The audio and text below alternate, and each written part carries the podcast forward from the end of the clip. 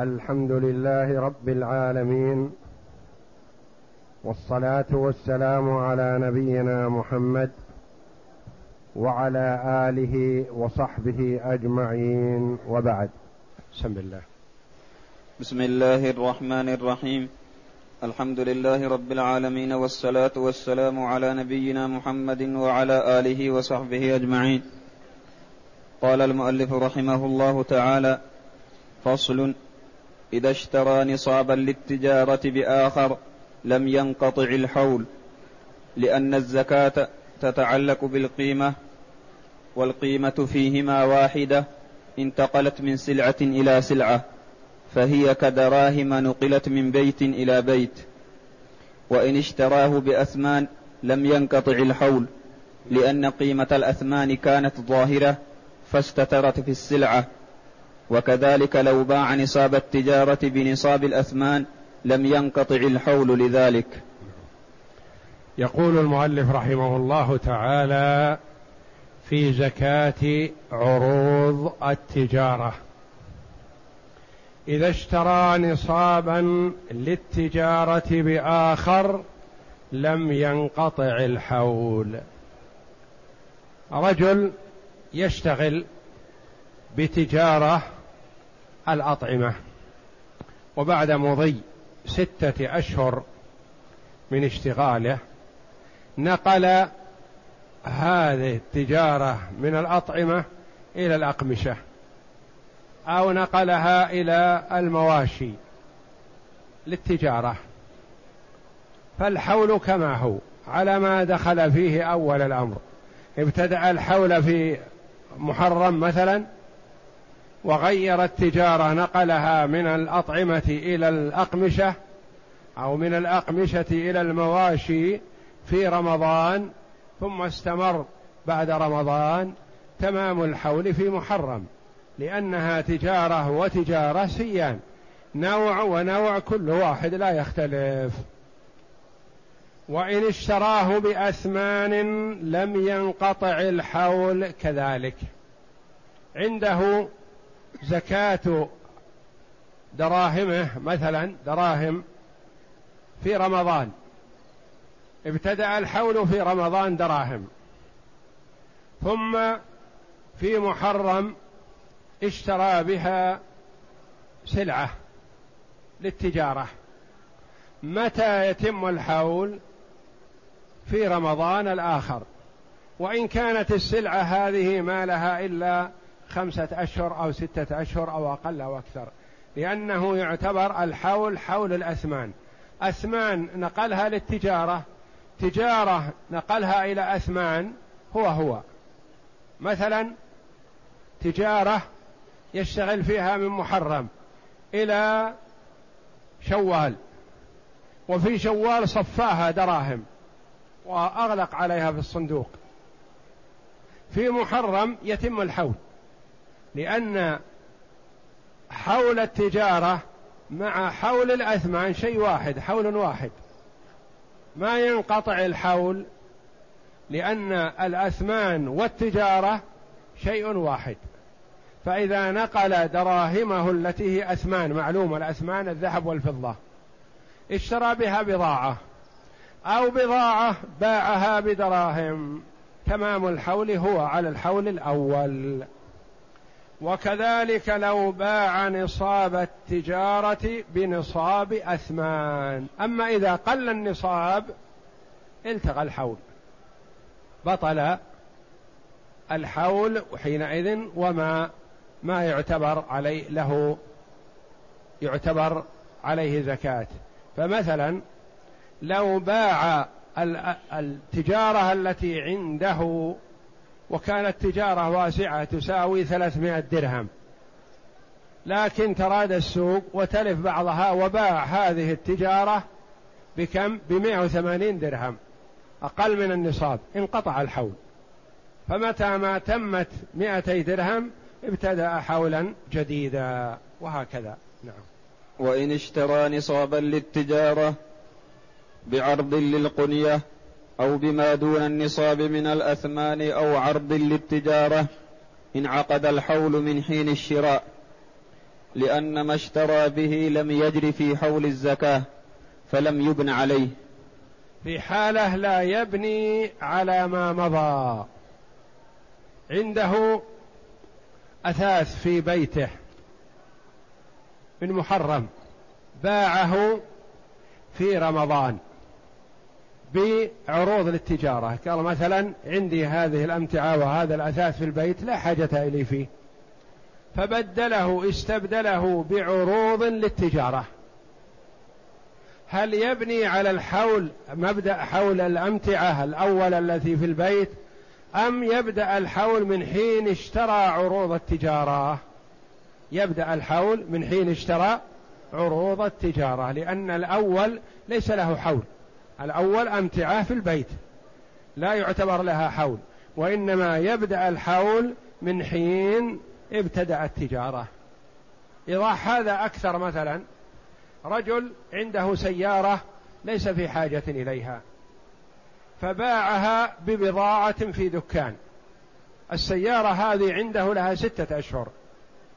وباع هذه السيارة على آخر بأمتعة في دكان للتجارة. ونواها للتجارة. هل يبدأ الحول من حين امتلك السيارة قبل ستة أشهر أم من حين اشترى البضاعة هذه؟ من حين اشترى البضاعة هذه؟ لأن المدة التي كانت السيارة عنده فيها لا اعتبار للحول لأنها متاع. ولو اشترى نصابا للتجارة بنصاب سائمة أو سائمة بنصاب تجارة انقطع الحول لأنهما مختلفان. نعم. ولو اشترى نصابا للتجارة بنصاب سائمة أو العكس. اشترى نصابا للتجارة بنصاب سائمة. رجل عنده خمسون شاة سائمة. لها ثمانية أشهر. بقي أربعة أشهر وتكمل سنة يدفع زكاته. طرى له وبدا له أن يبيع هذه الشياه الخمسين بأمتعة في دكان للتجارة. هذه الأمتعة تساوي نصاب وأكثر. نقل نصاب ماشية إلى نصاب تجارة هل يبني على الأشهر الماضية الثمانية؟ لأنها كلها في مجال الزكاة وفيها زكاة. يبني على حول السائمة أم يستأنف حولا جديدا للتجارة؟ بل يستأنف حولا جديدا للتجارة لأن السائمة التغت انتهت باعها. وليست هذه اللي اشترى سائمة وإنما هي تجارة مستقلة. فمعناه أنه لو باع نصاب سائمة بنصاب تجارة استأنف حولا جديدا. أو العكس كذلك. لو كان عنده دكان في تجارة يبيع ويشتري حوله في رمضان يتم الحول. بداله في شهر رجب أن يبيع ما في الدكان هذا بخمسين شاة سائمة عند شخص آخر. فسلمه الدكان بأمتعته وذهب إلى البر بهذه الشياه. هذه الشياه مثل الدكان حولها في رمضان والدكان حوله في رمضان. تمامه. تبايعا في رجب. كل واحد منهما يستأنف حولا جديدا بشرط ألا يكون فرار من الزكاة. لأن الشريعة الإسلامية تحرم الحيل. إذا كان هذا فرار من الزكاة قال أن تبايع ثم بعد ذلك نستألف حولا جديدا ثم بعد ثمانية أشهر أو تسعة أشهر نبدل مرة أخرى وهكذا حتى نسلم من الزكاة. نقول في هذه الحال يطالب بالزكاة ولا يسلم منها لأنه حيلة. نعم. فإن كان نصاب التجارة فإن كان نصاب التجارة سائمة فاشترى به نصاب سائمة للقنية لم ينقطع الحول لأن السوم سبب للزكاة إنما قدم عليه زكاة التجارة لقوته فإذا زال المعارض ثبت, ثبت حكم السوم لظهوره.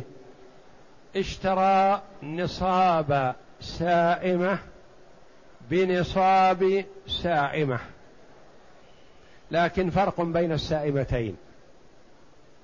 سائمة للتجارة وسائمة للقنية. هل ينقطع الحول أو لا؟ في هذه الحال لا لا ما ينقطع الحول. لأن نصاب السائمة هو هو ثابت. هذا عنده خمسون شاة سائمة. للقنية يحلب منها ويولد ويأكل وهكذا. هذه تعتبر للقنية. آخر عنده نصاب سائمة يعني خمسون شاة لكن هذه الخمسون الشاة سائمة لكنها للتجارة ليست للقنية.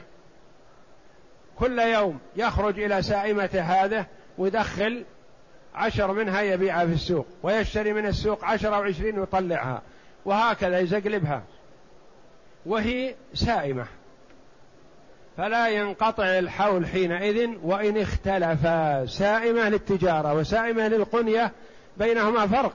لكن وجود السوم كافي. ما ينقطع الحول.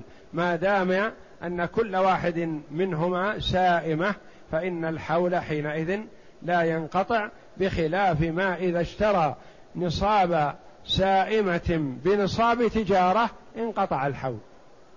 اشترى نصاب سائمة للقنية بنصاب سائمة للتجارة لا ينقطع الحول لأن السوم موجود. نعم. فصل. إذا ملك للتجارة سائمة فحال الحول والسوم ونية التجارة موجودان فبلغ المال نصاب أحدهما دون الآخر كخمس من الإبل لا تبلغ قيمتها مئتي درهم أو أربع تبلغ ذلك وجبت زكاة ما وجد نصابه لوجود سببها خاليا عن معارض لها. إذا ملك للتجارة سائمة. ملك للتجارة سائمة. فيها نصاب تجارة وفيها سوم سائمة. لكن النصاب لا يبلغ في السائمة أو النصاب لا يبلغ في التجارة يكفينا واحد منهما.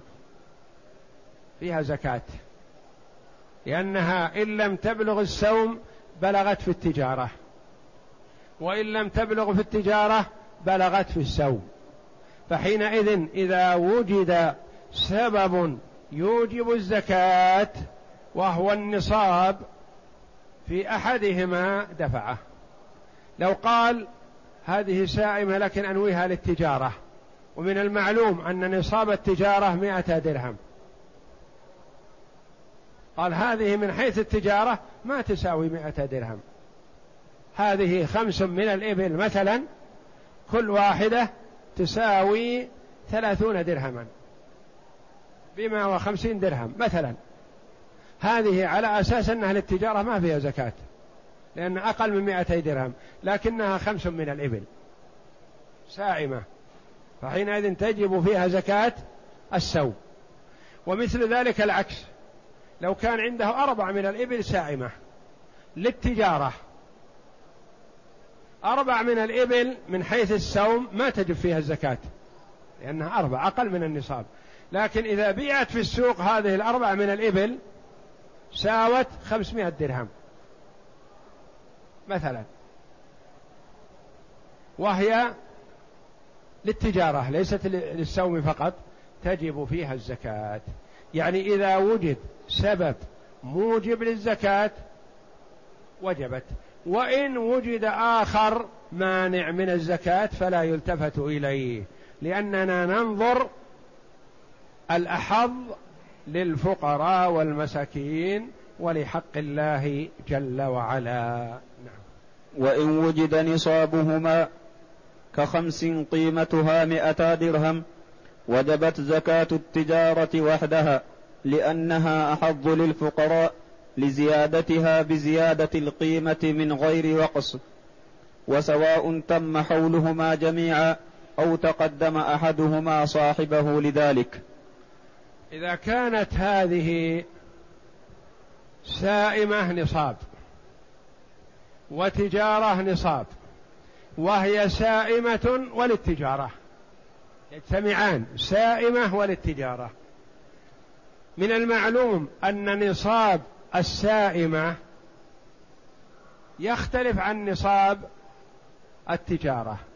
ومن المعلوم أن زكاة السائمة يختلف عن زكاة التجارة.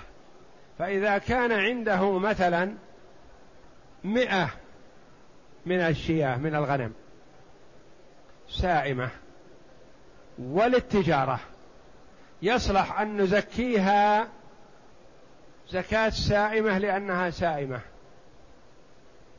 ونأخذ من المئة الشاة شاة واحدة.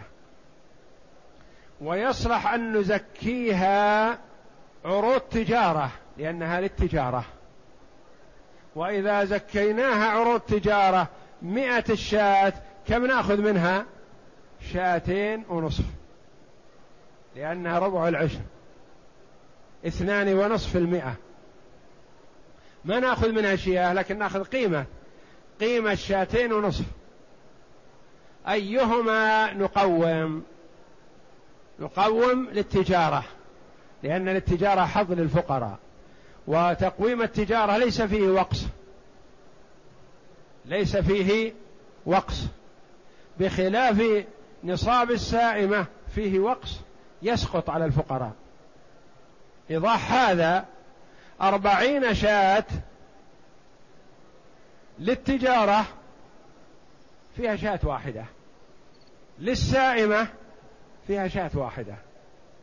مئة وعشرون شاة للتجارة فيها ربع العشر.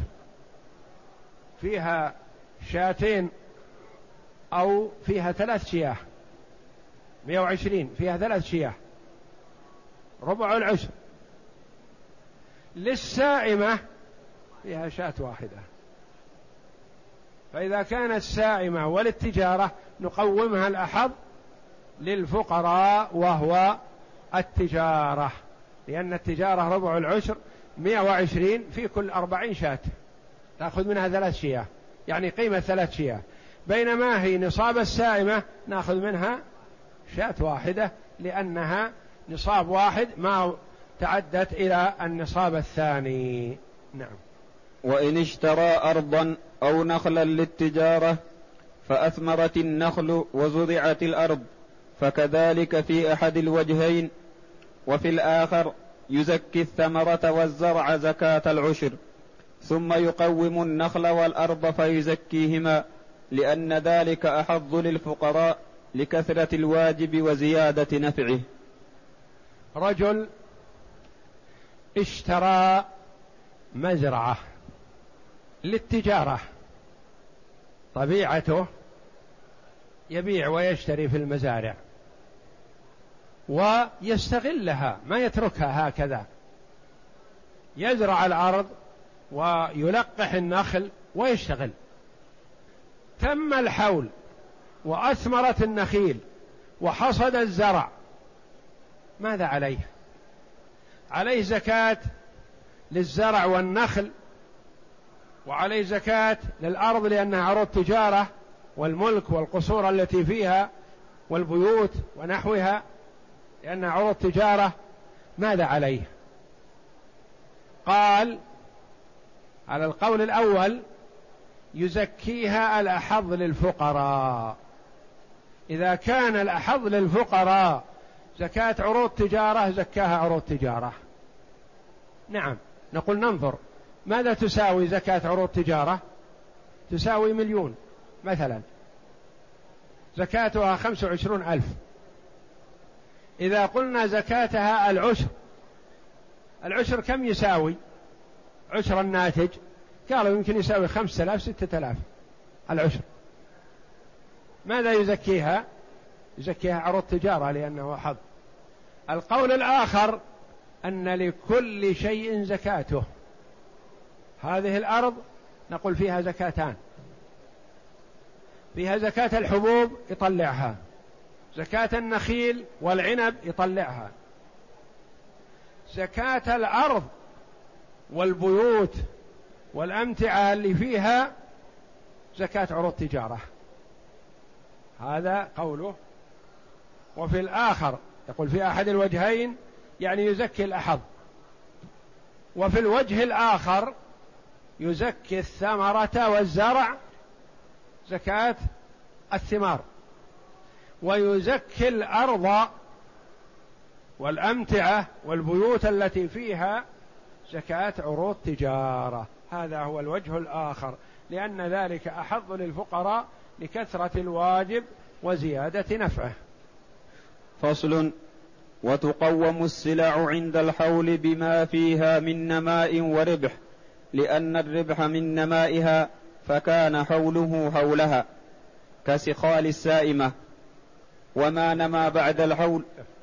وتزكى وتقوم السلع عند الحول بما فيها من نماء وربح.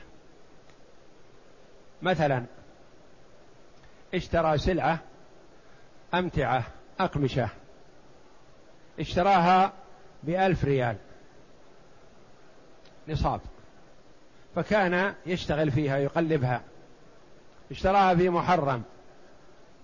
فلم فحينما وفي شهر ذي القعدة وإذا هي تساوي ألف ومئة ما كسب. في آخر ذي الحجة ساوت خمسة آلاف. ماذا عليه من الزكاة؟ ألف ومئة تم حولها. ثلاثة آلاف وتسعمائة ما لها إلا شهر. هل تزكى؟ نعم. لأنها ربح. لأنها ربح. فالربح تبع للأصل. حوله حول أصله. مثل ذلك النمى لأن الربح شيء والنمى شيء آخر. مثلا اشترى سائمة للتجارة وعرفنا أن زكاة التجارة أحظ للفقراء. اشترى أربعين شاة في محرم بدأ الحول في محرم. إلى رمضان وهي لا تساوي إلا ألف ريال. في رمضان حملت وولد بعضها ونمى وكثر العدد وفيها حمى الكثير. فجاء ليقومها في رمضان مقومها بألف. في آخر ذي الحجة قومها بعشرة آلاف. لأنها ولدت ولدت كثير وحملت كثير وصارت الشاة بدل ما تساوي مثلا خمسين ريال صارت تساوي مئتين. زادت قيمتها. عند تمام الحول محرم ينظر إلى ما حال عليه الحول أم ينظر إلى القيمة الحالية لأن النمى تبع لحول الأصل وهكذا.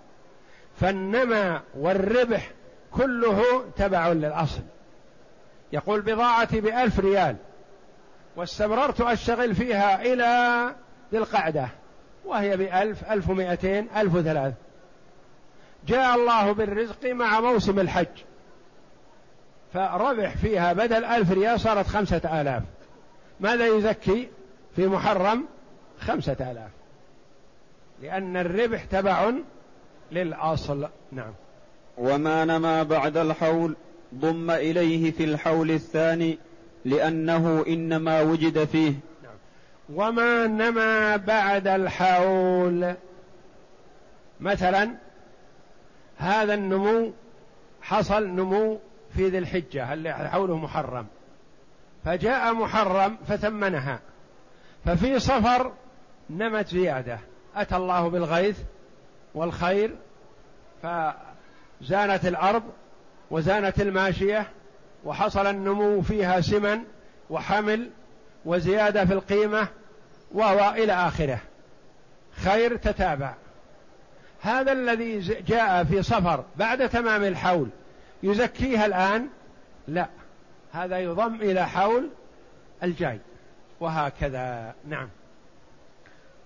ويكمل نصاب التجارة بالأثمان لأن زكاة التجارة تتعلق بالقيمة فهما جنس واحد.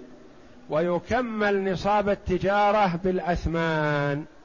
رجل عنده تجارة تقوم بمئة درهم وعنده في الصندوق دراهم مئة درهم.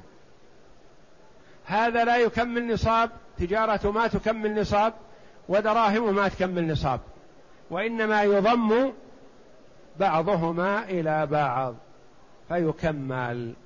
لأن التجارة والأثمان شيء واحد وزكاتهما واحد بخلاف غير ذلك لو كان عنده مثلا تجارة بمئة وخمسين درهم وعنده نصف نصاب سائمة هل يكمل هذا بهذا؟ لا يختلفان لكن إذا كان عنده نصف نصاب تجارة ونصف نصاب أثمان كمل بعضهما بعضا وصار نصابا وأخرج زكاته. نعم. وتخرج الزكاة من قيمة العروض لا من أعيانها. وتخرج انتبه لهذا هذا مهم.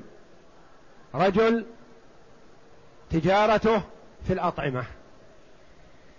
جاء رمضان وبدأ يعطي من هذه الأطعمة ينويها زكاة. هل تصح؟ لا. رجل زكاة آه، تجارته في الملبوسات في الثياب والفنائل والملبوسات. جاء الشتاء فأخرج شيئا مما عنده ونواه زكاة وأعطاه للفقراء زكاة ثياب وفنايل وسراويل وغير ذلك. هل يصح؟ لا.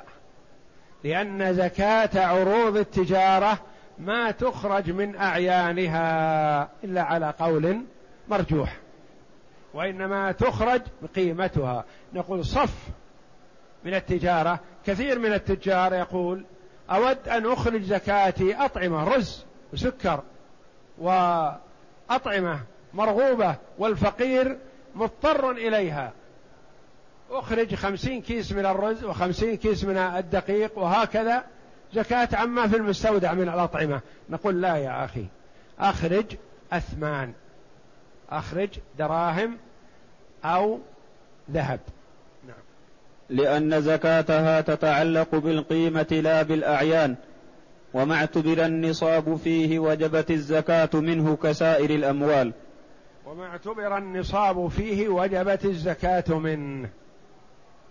ما اعتبر النصاب منه يعني كالإبل وكالغنم والبقر. زكاتها منين؟ معتبر نصابها منه يخرج منه زكاته. مثلا الحبوب تخرج زكاتها منها. الثمار التمر والعنب تخرج زكاته منه. إلا عروض التجارة فتخرج زكاته من الأثمان. لأن زكاتها تتعلق بالقيمة لا بالعين. يعني كل المزكيات تعتبر زكاتها بالعين. إلا عروض التجارة فإنها تعتبر بالقيمة. وقدر زكاته ربع العشر. لأنها تتعلق بالقيمة فأشبهت زكاة الأثمان. وفيما زاد على النصاب بحسابه لذلك ويخرج عنها ما شاء من عين من عين أو ورق لأنهما جميعا قيمة. وقدر زكاته ربع العشر. قدر زكاة عروض التجارة يقومها ويخرج ربع العشر. في الأربعين ريال ربع العشر. في المئة اثنان ونصف. وفيما زاد على النصاب بحسابه. ما في وقص. عنده نصاب وربع نصاب. ما نقول أخرج زكاة النصاب والربع يسقط؟ لا. بحسابه. كل شيء بربع العشر. كما تقدم لنا عشرة الريالات مثلا زكاتها ربع ريال. لأن عشرة الريالات عشرها ما هو؟ ريال. ربع العشر ربع ريال. عشرة ريالات زكاتها ربع ريال. خمسة ريالات إذا كانت مع نصاب يعني ولا هي ما تجب فيها الزكاة وحدها. خمسة ريالات مع النصاب فيها ثمن ريال. ريالان ونصف. زكاتها نصف الثمن. نصف ثمن ريال. يعني ربع الربع. فصل. وإذا تم الحول يخرج عنها ما شاء من عين أو ورق. يعني هذه التجارة قومها. نقول أخرج ربع عشر القيمة من ذهب. أو من فضة بكيفك. العين الذهب والورق الفضة. نقول إن شئت إذا كانت كثيرة وأحببت أن تدخل السرور على الفقير مثلا بدل ما تعطيه ثلاثمائة ريال أو مائتين ريال أعطوا جنيه عن زكاة عروض التجارة. زين يكفي. يعني أنت بالخيار إن شئت تعطي دراهم وإن شئت تعطي ذهب. فصل. وإذا تم الحول على مال المضاربة فعلى رب المال زكاة رأس المال وحصته من الربح لأن حول الربح حول الأصل وله إخراجها من المال لأنها من مؤنته وواجبة بسببه ويحسبها من نصيبه لأنها واجبة عليه فتحسب عليه كدينه. انتبه هذه مهمة ويقع فيها كثير من الناس. رجل له دراهم وسلمها لآخر يشتغل فيها مضاربة بربع الربح. سلمه إياها في رمضان ألف ريال بربع الربح مثلا. جاء رمضان الآخر فيه ربح. ماذا يزكي أحصى رأس المال والربح؟ وجده بحمد الله بدل ما كونه ألف واحد وجده في رمضان ألفين. ماذا يزكي رب المال؟ من يقول لي؟ يقول صاحبكم الألفين. لا. يزكي ألف وسبعمائة وخمسين. لأنه يزكي رأس ماله اللي هو الألف. ونصيبه من الربح. كم نصيبه من الألف الثاني؟ ثلاثة الأرباع. والعامل له ربع. العامل له ربع. رب المال ما يلزم أن يزكي نصاب نصيب العامل. ما يزكي الألفين معا وإنما يزكي ألف وسبعمائة وخمسين. لأن السبعمائة والخمسين تعتبر ربح له الآن. والمئتين والخمسين هذه ربع الألف الربح هذه للعامل. العامل هي ماذا يزكي؟ ما يزكي شيء. لأن ربح العامل هذا ما استقر وهو وقاية لرأس المال. فما يدري إلا إذا تقاسموا. إذا قالوا خلصنا تم الحول ونبي نصفي. أخذ رب المال ألف وسبعمائة وخمسين يزكيها جميع. هذا يزك يبدأ حول جديد والله أعلم. لأنه ما ما بدأ له حول هو. يبدأ حول جديد فمتى ما تم الحول زكى لأنه لأن ماله نصيبه المئتين والخمسين هذه عرضة عند تمام الحول أن تدخل في رأس المال. ما قبض شيء. إيضاح هذا مثلا التجارة ابتدأت في رمضان بألف ريال وللعامل خمسة وعشرين في المئة من الربح. في ذي الحجة أحصوا رأس المال وجدوها ألف ريال ما ما زاد. في صفر أصبح ألفين. في رجب نظروا وجدوه رجع إلى ألف. العامل ما قبض شيء ما له شيء. لكن رب المال عند تمام الحول يزكي الموجود لأنه له وتجارته. وربما يكون زكاته هذه التي يدفع سببا لحفظه ونمائه وزيادته. لكن العامل إلى الآن ما له شيء. أحيانا يحسب يقول الحمد لله ربحنا كثير. في صفر أنا لي خمسمائة ريال. في رجب حسب وجد ما بقى له لم يه. راحت. خسارة. نقص. في شعبان حسب وجد المئة راحت. ما معهم إلا ألف ريال. ألف ريال من هو له؟ لرب المال. هو مالوش. عند دخول رمضان تحرك السوق وزان العمل. فأصبح الألف ثلاثة آلاف ريال. رب المال يزكي ثلاثة الآلاف إلا ربع الألفين. يزكي ألفين وخمسمائة لأن ربع الألفين الأخيرة ما هو له والعامل وجد له خمسمائة ريال الآن لكن ما عليه زكاة إلى الآن لأنه الآن ما قبض شيء. إذا تقاسموا وصار نصيبه هذا له وهذا لرب المال حينئذ يبدأ حولا جديدا.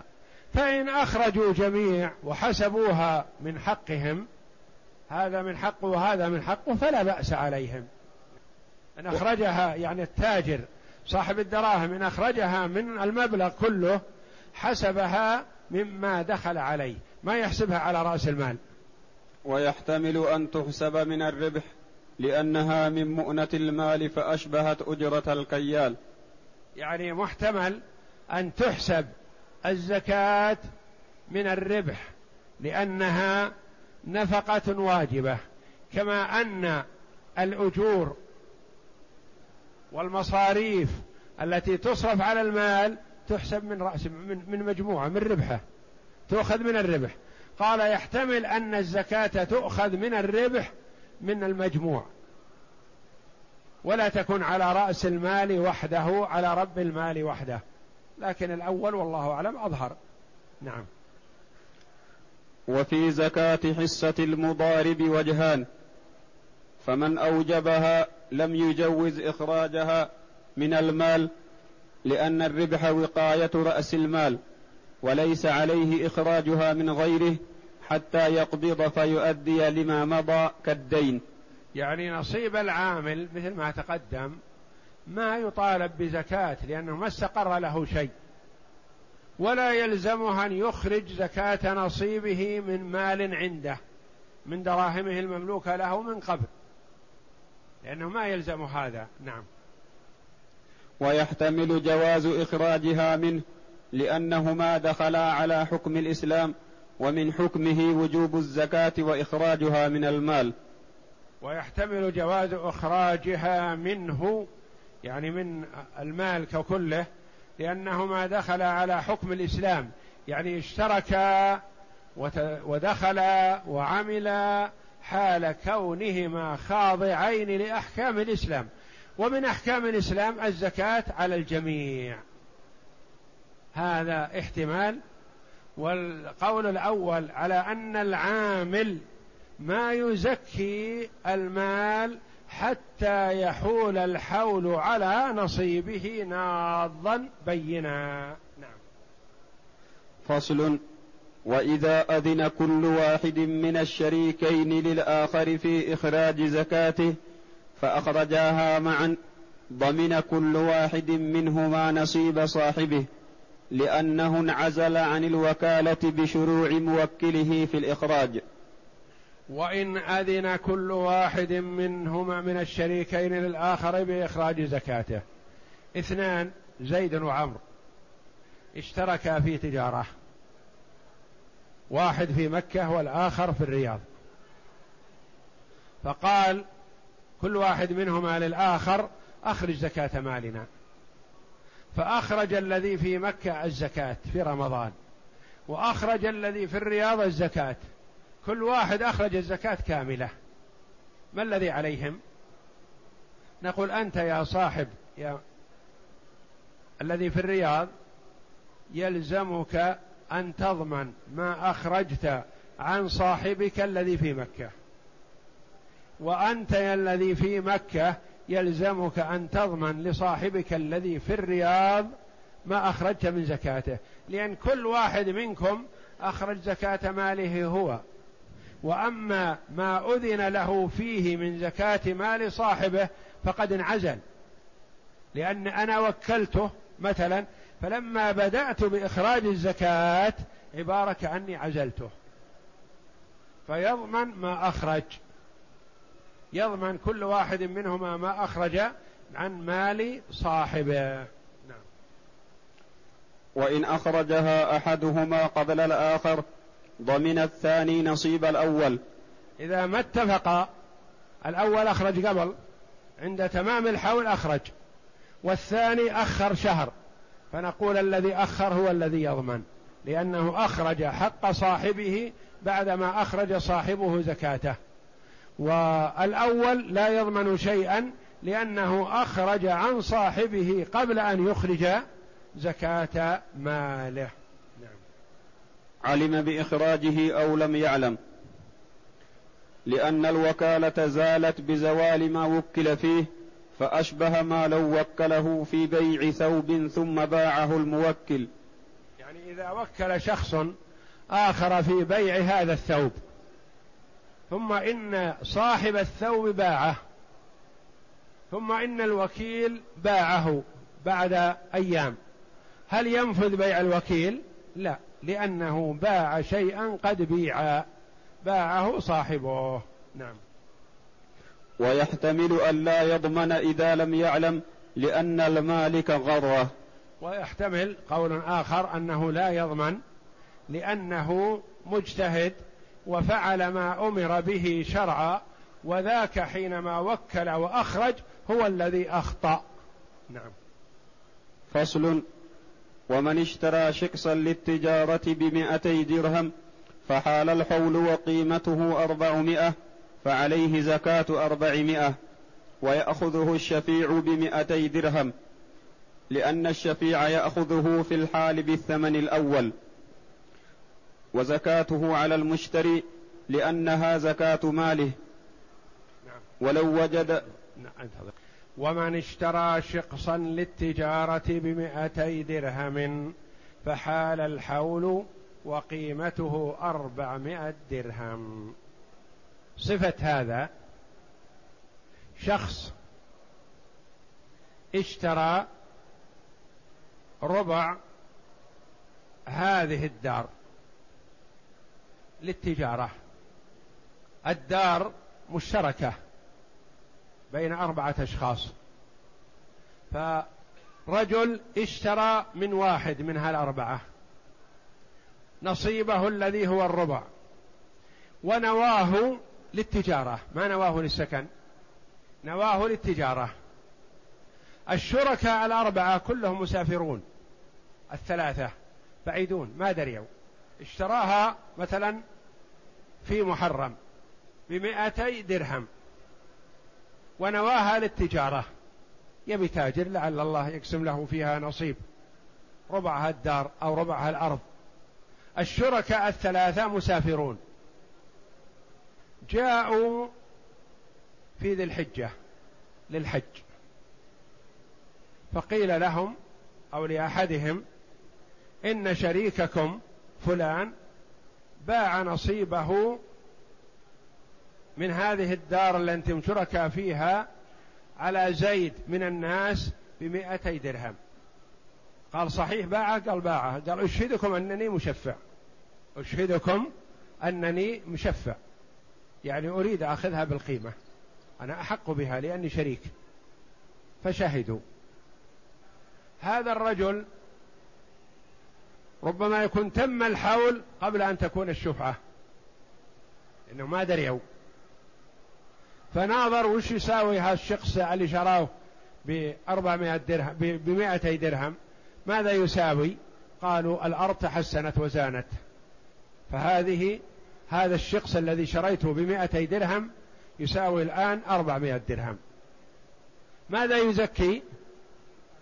أربعمائة درهم. جاء الشفيع. وأشهد أنه مشفع حينما علم لأن الشفعة كحل العقال. لابد على الفور حينما يعلم. جاء الشفيع وقال أنا مشفع. قال أنا زكيت أرضي هذه الشخص اللي أنا شريت زكيته على أنه 400 درهم وأنا شريه 200 فماذا يدفع الشخص الذي شفع؟ الرجل مشتري للشخص بمائتي درهم. وزكاه على أنه الآن يساوي أربعمائة درهم. وهذا يريد أن يأخذه. بماذا يأخذه؟ يأخذه بالقيمة الأولى مائتي درهم. والزكاة تروح على المزكي لأنه زكى ماله. وبعدين تبين بالشفعة فيما بعد أنه ليس أخذه الشفيع. فيتأتى هذا أن يزكي الرجل ماله على أنه أربعمائة درهم ويؤخذ منه بالشفعة على أنه بمائتي درهم. ولو وجد به عيبا رده بالثمن الأول وزكاته على المشتري. وكذلك اشترى هذا الشخص للتجارة وزادت قيمته من مئتين إلى أربعمائة درهم. ثم أراد بيعه. فكل من دخله وجد فيه عيب. فأراد أن يرده بعيبه. مع أنه زادت قيمته على العموم لكن يقول لوجود هذا العيب ما يصلح لي. فبماذا يرده؟ يرده على أنه زادت قيمته إلى أربعمائة درهم أو يرده على القيمة الأولى التي مائتي درهم؟ يرده على المائتي الأولى القيمة الأولى لأنه ليس له إلا ما دفع سواء رده بعيب أو أخذ منه بشفعة. وإن كان زكاه على زيادة القيمة فالزكاة على المشتري لأنه زكى ماله. والله أعلم وصلى الله وسلم وبارك على عبده ورسوله نبينا محمد وعلى آله وصحبه أجمعين.